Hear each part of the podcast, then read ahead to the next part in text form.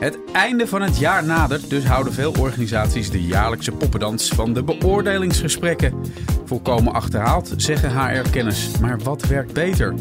Hier in de studio iemand die daar alles van af weet. HRM-adviseur bij Human Capital Group, docent aan de HR Academy en hoofdredacteur van het magazine HR Strategie, Jan Tjerk Boonstra.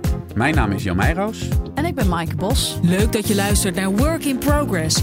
De podcast van Intermediair over werk, carrière, work-life balance en persoonlijke groei. Jan Tjerk, welkom. Om maar meteen met de deur in huis te vallen. Ehm, dat uh, jaarlijkse beoordelingsgesprek is natuurlijk een momentopname, maar ook vanuit je eigen positie. Heb jij er wel eens finaal naast gezeten bij het beeld wat je had van een werknemer? Of ik er uh, finaal naast heb gezeten, dat, is, dat weet ik niet, maar wel uh, behoorlijk naast. En dat is ook wel heel logisch en verklaarbaar. Want om een echt goed objectief oordeel te geven, dat is ontzettend moeilijk. Dat betekent eigenlijk dat je iemand heel goed moet kennen. Dat je iemand heel veel meegemaakt moet hebben. Intensief met iemand moet samenwerken. En dat wordt tegenwoordig veel moeilijker. Omdat mensen heel vaak buiten de deur zijn. Je ziet ze niet meer. Ze werken in verschillende teams. Dus waar het vroeger al moeilijk was, is het alleen maar moeilijker geworden. En is het dan ook zo dat uh, daardoor de beoordelingsgesprekken zoals die vandaag de dag nog worden gehouden niet meer, um, ja, niet meer werken? Of waren ze vroeger eigenlijk ook al een beetje zinloos wat jou betreft? Nou ja, uit onderzoek blijkt, hey, ik doe zelf dat onderzoek niet. Uit onderzoek blijkt dat het vrij zinloos is allemaal. En dat is het altijd geweest. Dat is maar, wel een bouwde stelling, hè? Dat is het altijd geweest. Ja, maar dat is mijn ja. uh, persoonlijke uh, ervaring en perceptie ook wel. Datgene dat het moest doen, waarover het hadden bedacht, het motiveren van mensen. En daar mensen duidelijk maken wat ze moeten doen, dat heeft het eigenlijk nooit gedaan. Oké, okay, dan nog heel even uh, introspectief. Houdt jullie eigen adviesbureau Human Capital Group ook nog van dit soort beoordelingsgesprekken? Ja, wij doen het ook, maar op een moderne manier zou je kunnen zeggen. Dus, en wat is dan die moderne manier? Dat is niet meer het eind van het jaar dat je met bibberende knieën naar je manager toe gaat en denkt: Ik ben heel benieuwd wat ik nou ga horen en wat hij, hij of zij van me vindt. Ja. Maar de moderne manier is continu. En ja, het is een open deur, hè? maar eigenlijk oh, ja. op het moment dat het nodig is. Dus is het nodig omdat ik dat vind, dan hebben we een gesprek. Vind ik het nodig als leidinggevende om met iemand uit mijn team te praten, dan gebeurt het ook. En is het nodig omdat er bijspreken iets is afgerond dat toch wel een mijlpaal is, een project of iets dat in ieder geval ontzettend belangrijk is in organisatie, dan ga je om tafel zitten en kijken wat je ervan geleerd hebt. Oh, dus, dus want de... ik zou er bijna bang van worden dat je denkt ik word alleen op het matje geroepen als het fout gaat. Dat is dan wel weer een voordeel van het jaarlijke gesprek. Je weet dat het gewoon gepland staat, dus het kan ook goed uitpakken. Ja, maar op het matje geroepen is een hele foute ja. manier van kijken natuurlijk. Ja. Dus waar het eigenlijk veel meer om gaat dan vroeger, is wat leren we van elkaar en hoe kunnen we het dan in de toekomst beter doen. Dus het is veel meer, wij noemen dat wel in ons vak feed wordt gericht. Je kijkt veel meer naar de toekomst. Je kijkt niet meer terug. Dat terugkijken is alleen maar zinvol als je er leert, ervan leert voor de toekomst. Oké, okay, nou we nemen nu een, een, een sprong op hè, alternatieven. We gaan eerst even terug naar, naar hoe heel veel bedrijven het nog steeds doen. Ja, want uh, ja, wat ik eigenlijk me afvraag, hoe loopt zo'n gesprek nou eigenlijk? Hè? Maar we hebben het nu over de traditionele beoordelingsgesprekken. Hm. Uh, hoe bereiden leidinggevende en, werk en werknemers zich er nou op voor? En wat gebeurt er dan eigenlijk ja, in zo'n gesprek? Ik vind het in die zin wel een moeilijke vraag, omdat er heel veel differentiatie is. Hè? Dat ja. gebeurt op een hele moderne manier en soms, en soms toch op een hele klassieke manier. Goed, je vraagt wat is dan de meer traditionele manier? En dan zie je dat het best moeilijk is tegenwoordig, omdat de manier van werken is wel veranderd en het, de, de gesprekken daarover eigenlijk nog niet. Dus als je als organisatie gewend bent om, laten we zeggen, twee gesprekken per jaar te voeren, en dat tweede gesprek gaat over de beoordeling, dan moet daar ontzettend veel informatie bij elkaar komen over dat hele jaar, waardoor jij ook nog gerespecteerd voelt. Dus je denkt, nou, dan ga ik horen hoe ik het gedaan heb afgelopen jaar. En daarmee zeg je dat is ontzettend moeilijk. Dat betekent dat je een heel jaar terug moet kijken. Dan krijg je iets zoals wat dan in de literatuur heet de recentheidsfout. Dus dan oh. weet je als leidinggever nog wel hoe het afgelopen drie weken is gegaan. Maar ja, januari, dat is zo ver. Daar weet ja. je al helemaal niks meer van. Nou, dat veronderstelt ook dat zo'n leidinggevende de hele tijd dossiers over iemand bijhoudt om het te onthouden. Nou, of van, en dan ben je al, maak je al een bruggetje naar die moderne manier van, uh, ja, ik noem het dan ook niet meer beoordelen, maar ik noem het al heel lang performance management. Maar dat is weer een, klinkt heel Amerikaans, zo'n titel. Maar het gaat eigenlijk over alles wat met je werk te maken heeft. Hoe kun je dat zo goed mogelijk faciliteren, mensen zo goed mogelijk dat laten doen. Maar dan sla je eigenlijk al een bruggetje naar dat je dat ook steeds meer verwacht van mensen zelf. Dat ze zelf met informatie aankomen over hoe een project is gegaan of hoe een klant wel of niet tevreden was, hoe het in het team is gegaan. Dus je, je verwacht in ieder geval van de medewerkers steeds meer informatie. Die doen het werk Die, die zijn op een steeds hoger professioneel uh, niveau aan het werken. Dus die kunnen ook best die verantwoordelijkheid aan. Overal en altijd. Om zelf informatie aan te dragen. Dat hoeft de leidinggevende dus eigenlijk ook niet meer te doen. En dat hele idee van controle of je je werk wel goed doet, dat is dan weg. Het Dat is de slager die zijn eigen vlees eh, keurt. Ja, dat laat je eigenlijk voor nog. Dat moet je ook wel loslaten in Ja. deze Vertrouwen. complexe. Ja, dat, ja, maar de wereld is zo complex en dynamisch aan het worden. En zo snel aan het veranderen. Dus je lost dat niet meer op met controlesystemen. Je moet het veel Ja. meer oplossen met vertrouwen. Mensen empoweren, is ook weer zo'n eh, modern woord. Maar mensen in ieder geval sterker maken. eh, beter maken in hun vak. eh, ruimte geven om zich te ontwikkelen. Dan mag je ervan uitgaan dat het voor een groot deel goed komt. En waar je daarover twijfelt, daar ga je er anders mee om dan waar je er niet over twijfelt. Dus het kan een individu zijn waar je denkt, nou laat die maar lekker gaan. Die is zo competent, die is zo vakvolwassen, die doet het eh, vanzelf goed.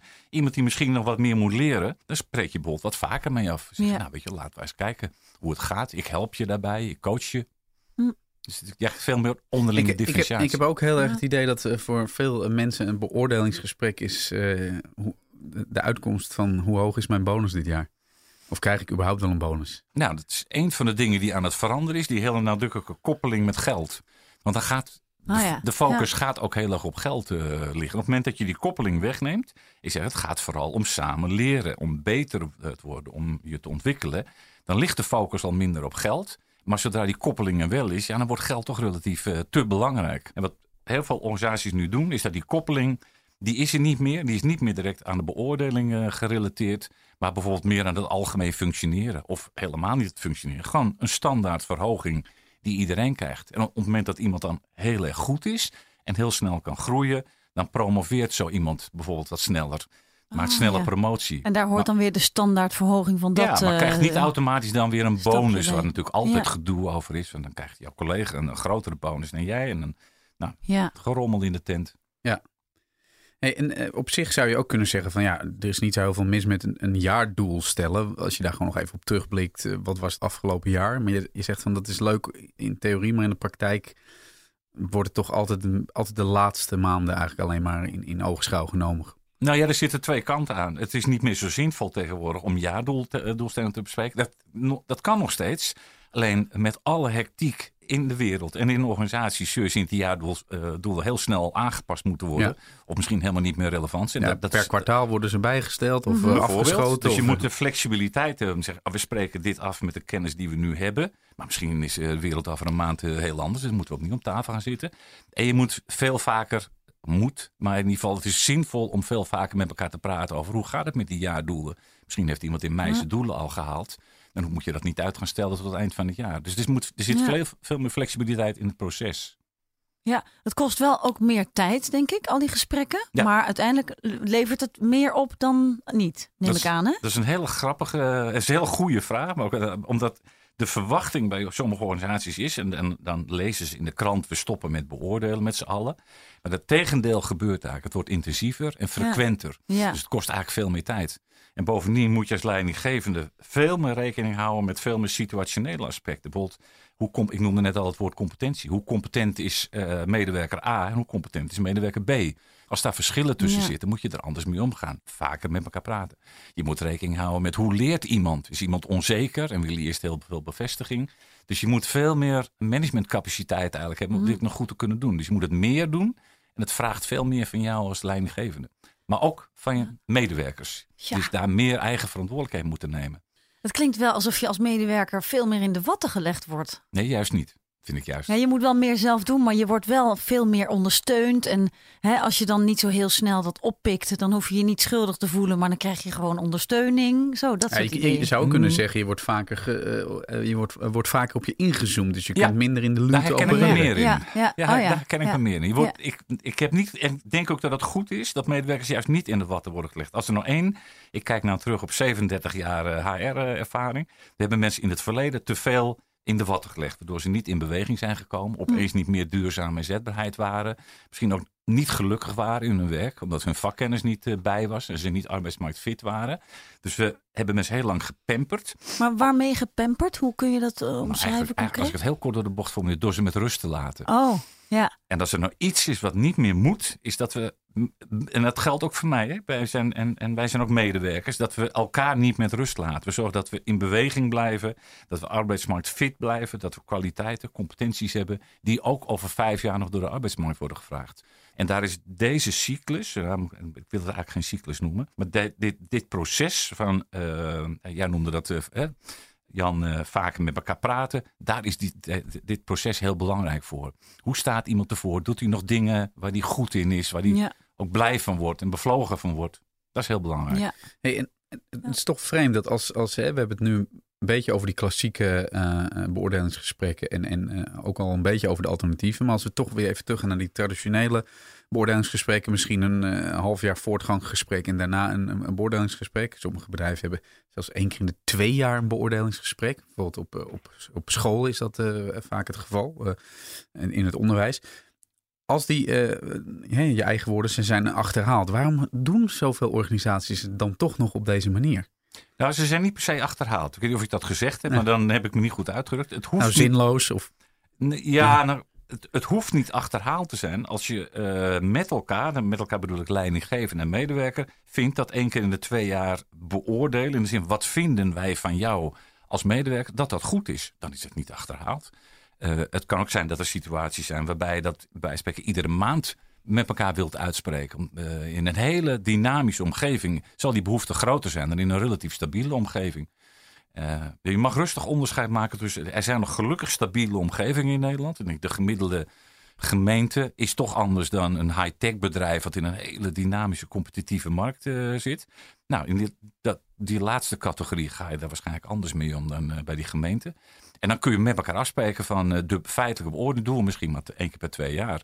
Maar het kan ook zijn dat je zegt, nee, dat gaan we iedere maand doen. We willen eigenlijk iedere maand weten, Doe je nog goede dingen? Ben je nog van voldoende waarde voor onze organisaties? Ja. Het verschil wordt steeds groter. Nou, en vroeger werd iedereen langs dezelfde meetlat gehouden en had dezelfde type gesprekken. Ja, nou, want ik denk dat dit ook een uh, instrument is om een, een, organisatie dynamischer te maken. Ja. Work in progress.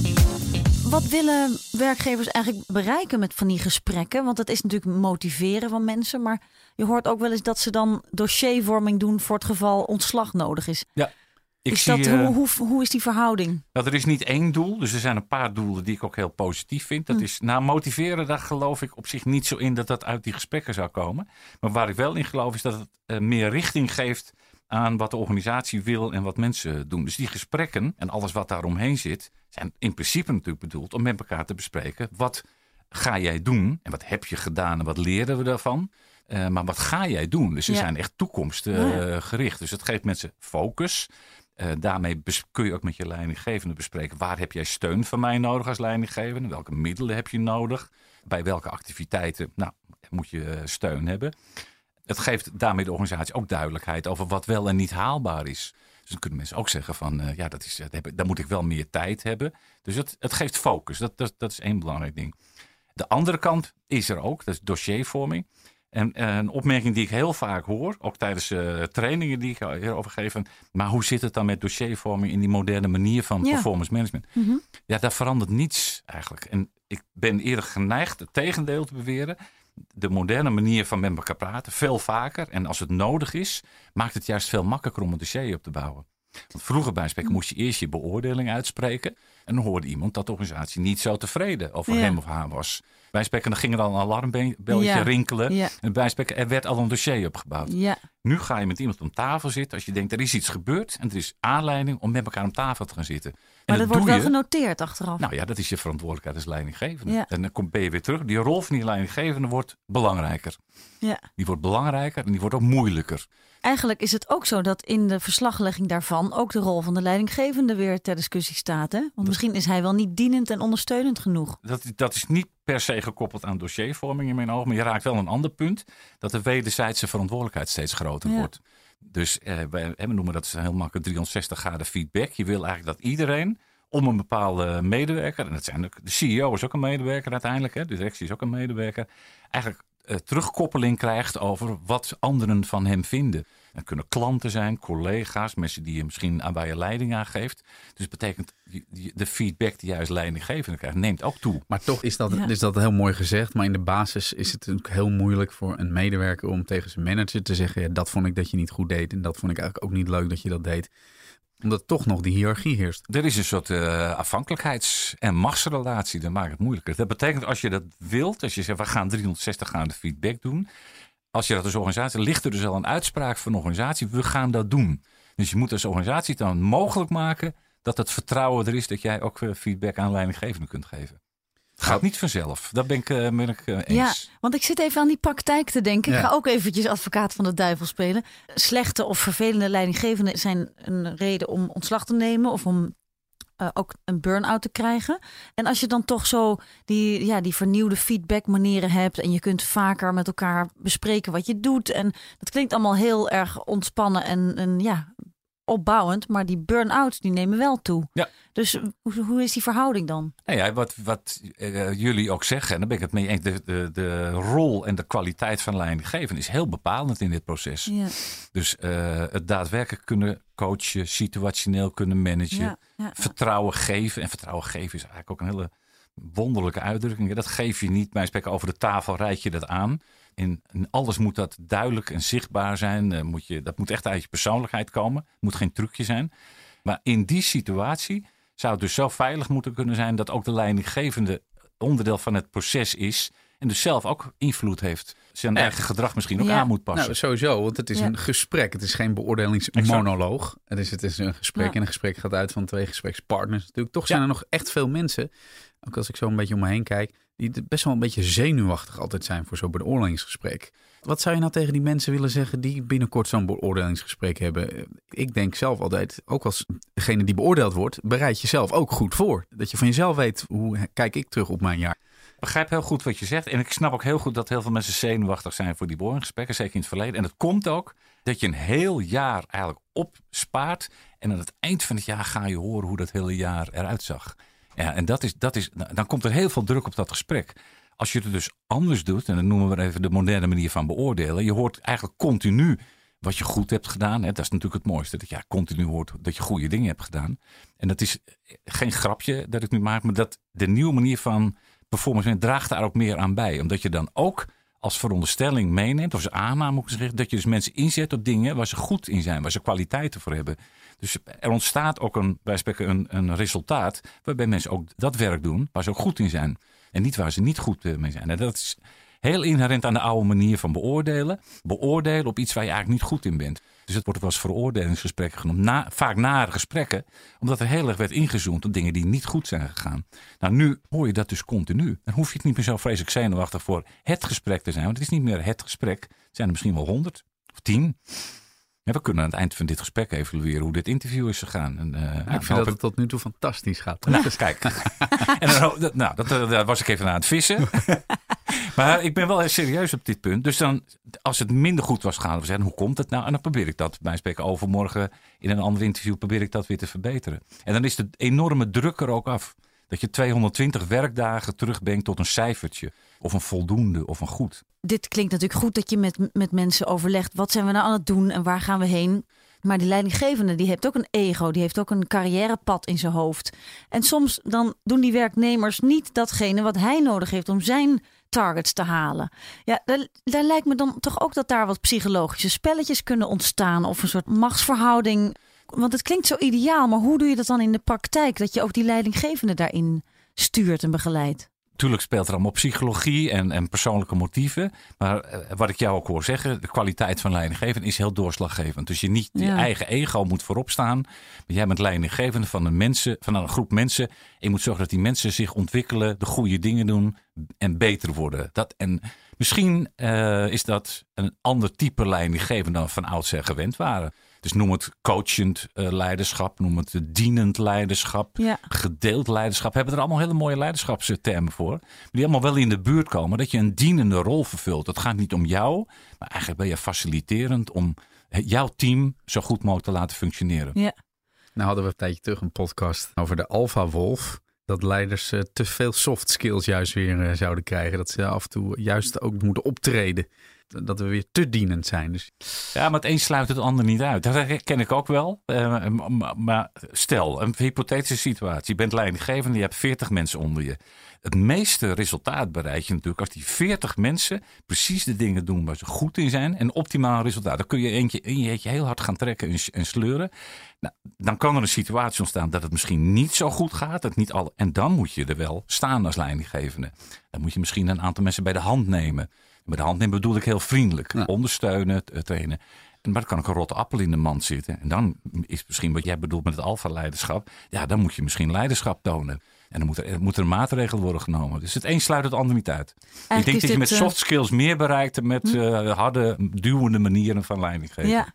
Dit is heel mooi dat je dit zegt. Want dat is precies die, dat verhaal van die Alpha-wolf. Dat uh, Martin Apollo en Arvid Buit uh, vertelden. De Alpha-wolf loopt normaal achteraan de roedel. En hm. die zorgt dat de zwakste ook meekomen. En die ondersteunt. En als er dan gevaar dreigt, dan gaat hij voorop lopen. En nou, mooi, handelt hij instinctief. Ja. En uh, om het gevaar af te wenden. En daarna sluit hij weer achteraan. Dat is eigenlijk precies wat we willen. Ja. Ja, um, wat ik wel interessant vind is, het gaat allemaal om gedrag bij te sturen, denk ik. Hè? Om gewoon uh, gewenst gedrag te stimuleren. Nou, niet alleen gedrag, het gaat ook over ontwikkelingen. Wat voor kwaliteiten zie ik bij mensen? Kan, kan ik door het werk dat ik ze aanbied of dat ze zouden willen doen, kan ik die ontwikkelen? Ja. En het gaat om resultaten, die dingen. Gedrag, ontwikkeling, maar ook gewoon keiharde resultaten natuurlijk. Daar is het uiteindelijk om te doen. Maar dat gedrag uh, bijsturen, als we het even daarop inzoomen.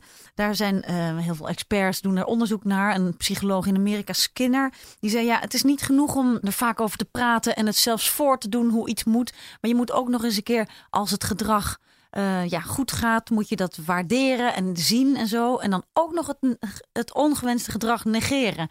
Dat veronderstelt toch dat je de hele tijd ziet hoe iemand aan het werk is. Als een soort helikopter boven de troepen. Maar, maar jij zegt ook van mensen die werken in verschillende projecten, op verschillende plekken. Het lijkt me zo lastig om daar zicht op te houden. Ja, je noemt Skinner, dat vind ik bijna ouderwets, hè, met uh, operante conditionering, hè, klassiek conditioneren. Daar geloof ik helemaal niet meer zo in.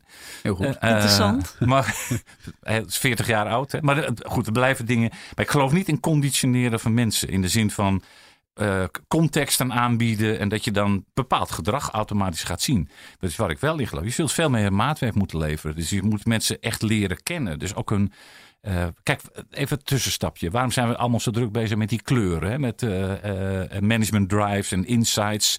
Dat is omdat het echt waardevol is om jou, Maaike, en jou, Jan, beter te leren kennen op het moment dat we intensiever moeten samenwerken. Dan is het zinvol om te kijken, wat zijn jouw motieven? En van welke activiteiten word je enthousiast? Daar geloof ik veel meer in. Dat betekent als leidinggever dat je meer in mensen moet verdiepen. Maar je noemt een ander punt, dat is helemaal terecht. Je ziet heel veel dingen niet meer. Mensen werken thuis en zitten bij klanten. Dus dat betekent dat je, je moet wel meer verantwoordelijkheid bij mensen zelf leggen om aan te tonen dat ze de goede dingen doen. Dat betekent bijvoorbeeld feedback van collega's ophalen, uh, feedback van klanten ophalen. Dat, hoef je, dat kun je niet meer doen als leidinggever. Ja. Er is geen beginnen meer aan. Waar ligt dan de waarheid als iemand zelf selectief zijn uh, meest positieve klantervaringen ja, nou, dat is een terechte opmerking. Ja. Dus stel, iemand komt met alleen maar positief verhaal. Terwijl jij denkt, ja, maar wacht even, er was toch ook iets bij een klant aan de hand. Nou, dat is weer de rol als leidinggever. Dan komt misschien een beetje in de buurt van wat Jan net, zei. Daar moet je even optreden. Moet je zeggen, maar hoe kan het dat je klant X niet hebt meegenomen in de evaluatie? Want dat is allemaal niet zo goed gelopen. Dus je mag best, je moet zelfs wel toetsen. Je mag best ingrijpen. Als u dat even tenminste ingrijpen noemt. Zeggen, hé, maar wacht even. Ik zou van die klant ook wel graag een evaluatie willen. Maar je gaat uit van vertrouwen. Ja, dat is even een tip voor werknemers die dit horen. We hadden laatst een overtuigexpert, Nathan de Groot, hier in de podcast. En die zei ook van, als je dan wil overtuigen, dan moet je niet alleen maar positieve verhalen brengen, want dan geloven mensen het niet helemaal. Maar breng er dan ook één kritisch puntje in. Dan lijkt het verhaal compleet en kom je er toch mooi uit. Work in progress. Als ik dat zo hoor, dan denk ik, het klinkt heel mooi, dit werkt. En weg met die traditionele klassieke beoordelingsgesprekken. Maar mensen hebben het zo druk targets en projecten. En nou, dat komt er ook nog even bij. En dat komt ook nog even op mijn bordje. En je kunt met z'n allen dit afspreken. Maar ik denk gewoon in de, in, met de waan van de dag kunnen heel weinig bedrijven dit echt tot uitvoering brengen? Of, of ben ik dan te somber gesteld? Ja, dan ben te somber. Je ziet dat die gesprekken uh, heel verschillend van aard worden. En er zijn uh, woorden voor. Er zijn bedrijven die noemen het snapshots en uh, koffietafelgesprekken. En, maar je mag het rustig vanuit de auto doen. Wel veilig bellen, maar je mag het bijspreken vanuit de auto doen. Dus je ziet dat alles hè, komt dan in dat, dat beoordelingsgesprek eind van het jaar terug. Nou, nu mag ieder gesprek is goed. Als het maar gaat om dat wederzijdse, als het maar gaat om oprechte aandacht, als het maar bijdraagt aan vertrouwen geven. En dan mag je vanuit de auto bellen of je zegt aan het eind van de dag, uh, zullen we even een, of tussenmiddag gaan, zullen we een eindje wandelen. Hoe gaat het met je? Alles mag. Alles mag. Vroeger mocht bij wijze van spreken niks. Ik heb meegemaakt dat in de CAO stond hoe lang zo'n gesprek in principe zou moeten duren. En hoe lang was dat? Een uur. Een uur. Oh. Oké, dat is best lang. Oh. Ja. We hebben vroeger alles dichtgetimmerd en dichtgeregeld. En nu is het maatwerk. En dan is jij bent een ander mens dan jij, uh, Maaike. En ik ben ook weer iemand anders. Nou, dat maatwerk moet je dan kunnen leveren. Ja, ik vind het wel een goede ontwikkeling hoor.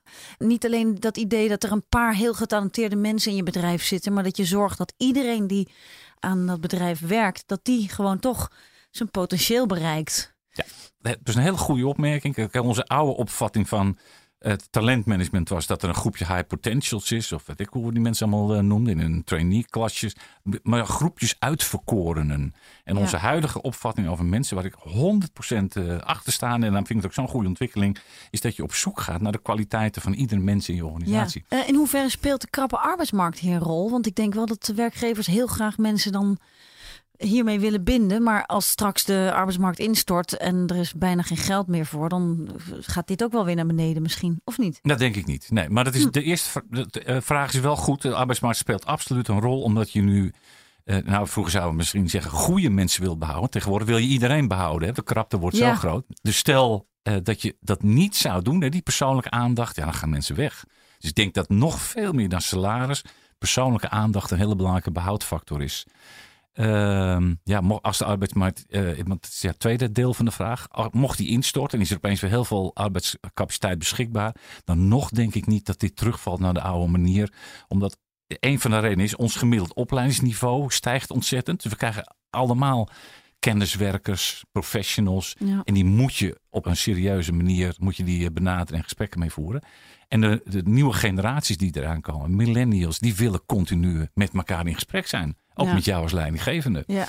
En die zien veel minder hiërarchie. Dus ik denk niet dat we terugvallen in die oude manier. Wat zijn nou echt de trends op het gebied van, van beoordelen? Nou, dan komen er drie onmiddellijk bij me eh, op. Het eerste is uh, versimpelen en vereenvoudigen.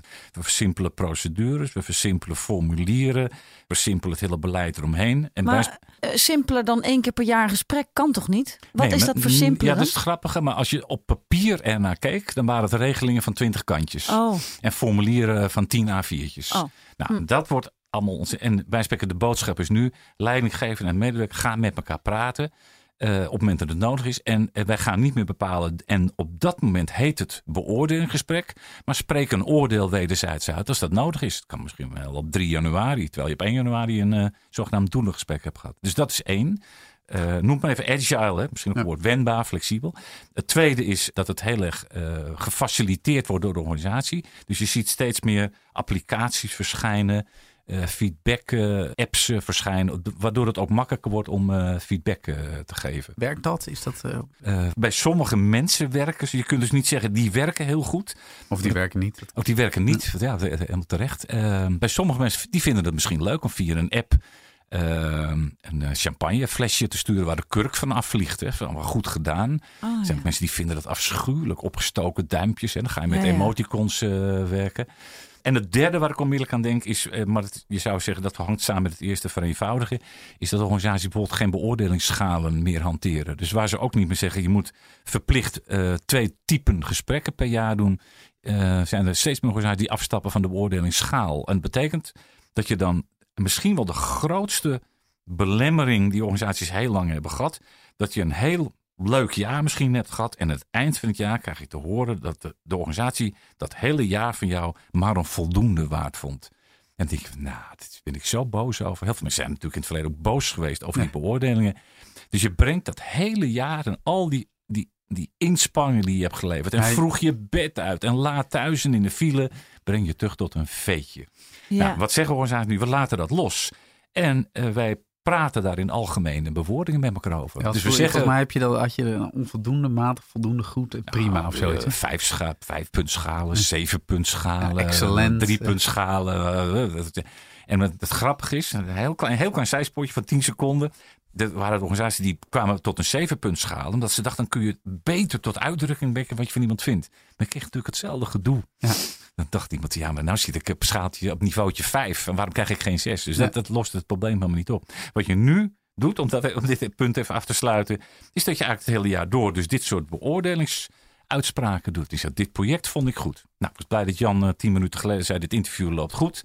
Nou, dan denk ik, hé, leuk, weet je ook, veerde helemaal op. Je zag het gebeuren. Ja, ja. Um, dus nu doe je het continu en breng je het niet meer terug tot het eind van het jaar. Ja. En dan zeg je, nou, dat ging minder goed. Hoe kunnen we nou de volgende keer dat je weer een presentatie geeft of uh, een rapport schrijft, hoe kunnen we zorgen dat het wat beter gaat? Ja. En aan het eind van het jaar, stel er is toch nog iets van een gesprek, dan doe je dat in algemene bewoordingen. Dan zeg je bijvoorbeeld tegen iemand, nou, we zijn eigenlijk hartstikke blij met jou, joh. Je hebt het goed gedaan, je collega's waarderen je, ik vind het leuk. Alles gaat goed, je komt op tijd. Ik zie dat je meer uren werkt dan je eigenlijk zou moeten.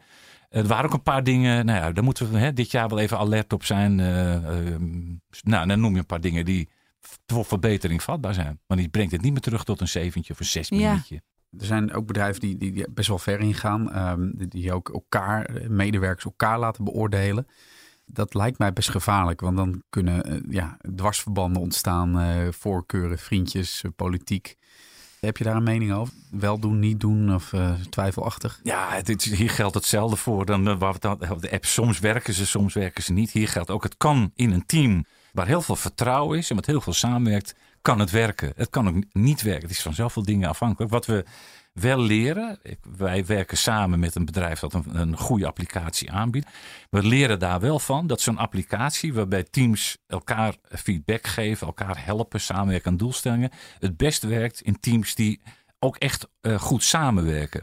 Dus dat goede samenwerken, afhankelijk van elkaar zijn en dezelfde ambitie hebben, dat helpt ontzettend om elkaar uh, feedback te geven. Dus als je niet dezelfde ambitie hebt, ik wil naar links en Maaike wil naar rechts, um, dan gaan we waarschijnlijk geen goede feedback aan elkaar Maar krijg je uh, dan weer niet de, de, het gevaar dat mensen elkaar allemaal, dat iedereen heel tevreden is met zichzelf? Nee, dat hoeft niet per se. Nee, ik geef als, als voorbeeld, ik gebruik ook vaak een plaatje van FC Barcelona, de voetbalclub. En dan bedoel ik het eerste elftal. Waar met Messi, Messi, waar. Messi in zit, ja. En dan zeg ik, wat dat zo'n team zo goed heeft gemaakt, heel lang, is dat ze allemaal eenzelfde brandende ambitie hadden om gewoon de allerbeste, het allerbeste voetbalteam in de wereld te zijn. Iedereen was ervan overtuigd dat Messi niet in het doel moest, maar in de, in de spits uh, moest staan. En iemand anders in het doel. En dan kun je elkaar goede feedback geven. En met respect voor elkaars kwaliteit en elkaars plek in het team geef je elkaar dan feedback. Maar dat gebeurt vanuit diezelfde collectieve brandende ambitie. Maar er, er spelen ook allemaal psychologische dingen. Want Tuurlijk. of je bent elkaars concurrent, of je hebt eigenlijk die ander nodig om zelf ook weer beter Hoort te er presteren. En dan heb je graag dat je die ander ook eens een complimentje kan geven. Hoort er allemaal bij. Ja. Maar die concurrentie, die kun je niet uitvlakken, Nee. toch? Nee, absoluut. Terwijl mensen samenwerken is wrijving, Ja. conflict. En dan moet je of het vertrouwen in een team dat ze zelf conflicten kunnen oplossen. En als dat niet gebeurt, kom je weer bij een leidinggevende terecht die misschien dan weer Ja. ingrijpt. Dan zijn we bij het punt van net. Dus eigenlijk is dit hele verhaal eh, een soort geruststelling voor deze laatste maanden van het jaar. Die beoordelingsgesprekken die kunnen een stuk fijner door het jaar heen. En eh, eh, we kunnen allemaal wat meer van elkaar leren en met vertrouwen opereren. Nou ja, geruststelling. eh, niet, voor de mensen waar de klassieke vorm nog geldt natuurlijk. Nee. Nee, precies. Ik dacht, wil, het, ja. dat wil de verandering, eh, je kunt het misschien wel aandragen. Ja. Van, hè, als Zullen we er- nog wat tips bedenken voor die mensen die wel nog eh, naar de, de. Beltjesdag moeten? Voorbereiden, op een, zelf een dossier samenstellen van je successen? Is dat iets? Ja, het moet natuurlijk ook geen jijbak eh, verhaal worden. Dat als je baas tegen je zegt van, nee, je bent best wel vaak eh, te laat. En dat jij dan als werknemer zegt, ja, maar jij gaat best wel vaak eh, vroeg naar huis. Nee. dan Nee. krijg je ook, dat Ja. lijkt me wel geestig trouwens. Maar. Als je jezelf heel goed hebt voorbereid. En je bent zo eerlijk mogelijk om ook te kijken naar dingen die minder goed zijn gegaan. Misschien komt de beoordeling ook niet meer als een verrassing. En dan is het ook bijna onmogelijk dat een te- iets tegen jou zegt waar jij totaal geen weet van hebt. Of wat je helemaal niet zag aankomen. Dat lijkt me een perfecte afsluiter. Iedereen die dus nog een beoordelingsgesprek moet krijgen, eh, niet bevreesd zijn, gewoon goed voorbereiden. En als je het toch anders wil, kaart het aan bij je leidinggevende. Leuk dat jullie allemaal luisteren naar deze Work in Progress met Jan Tjerk Boonstra. En de volgende keer zijn we er weer. Dag. Heb je met plezier naar deze podcast van Intermediair geluisterd? Abonneer je dan gratis via SoundCloud of iTunes. En krijg een melding als er een nieuwe aflevering voor je klaarstaat.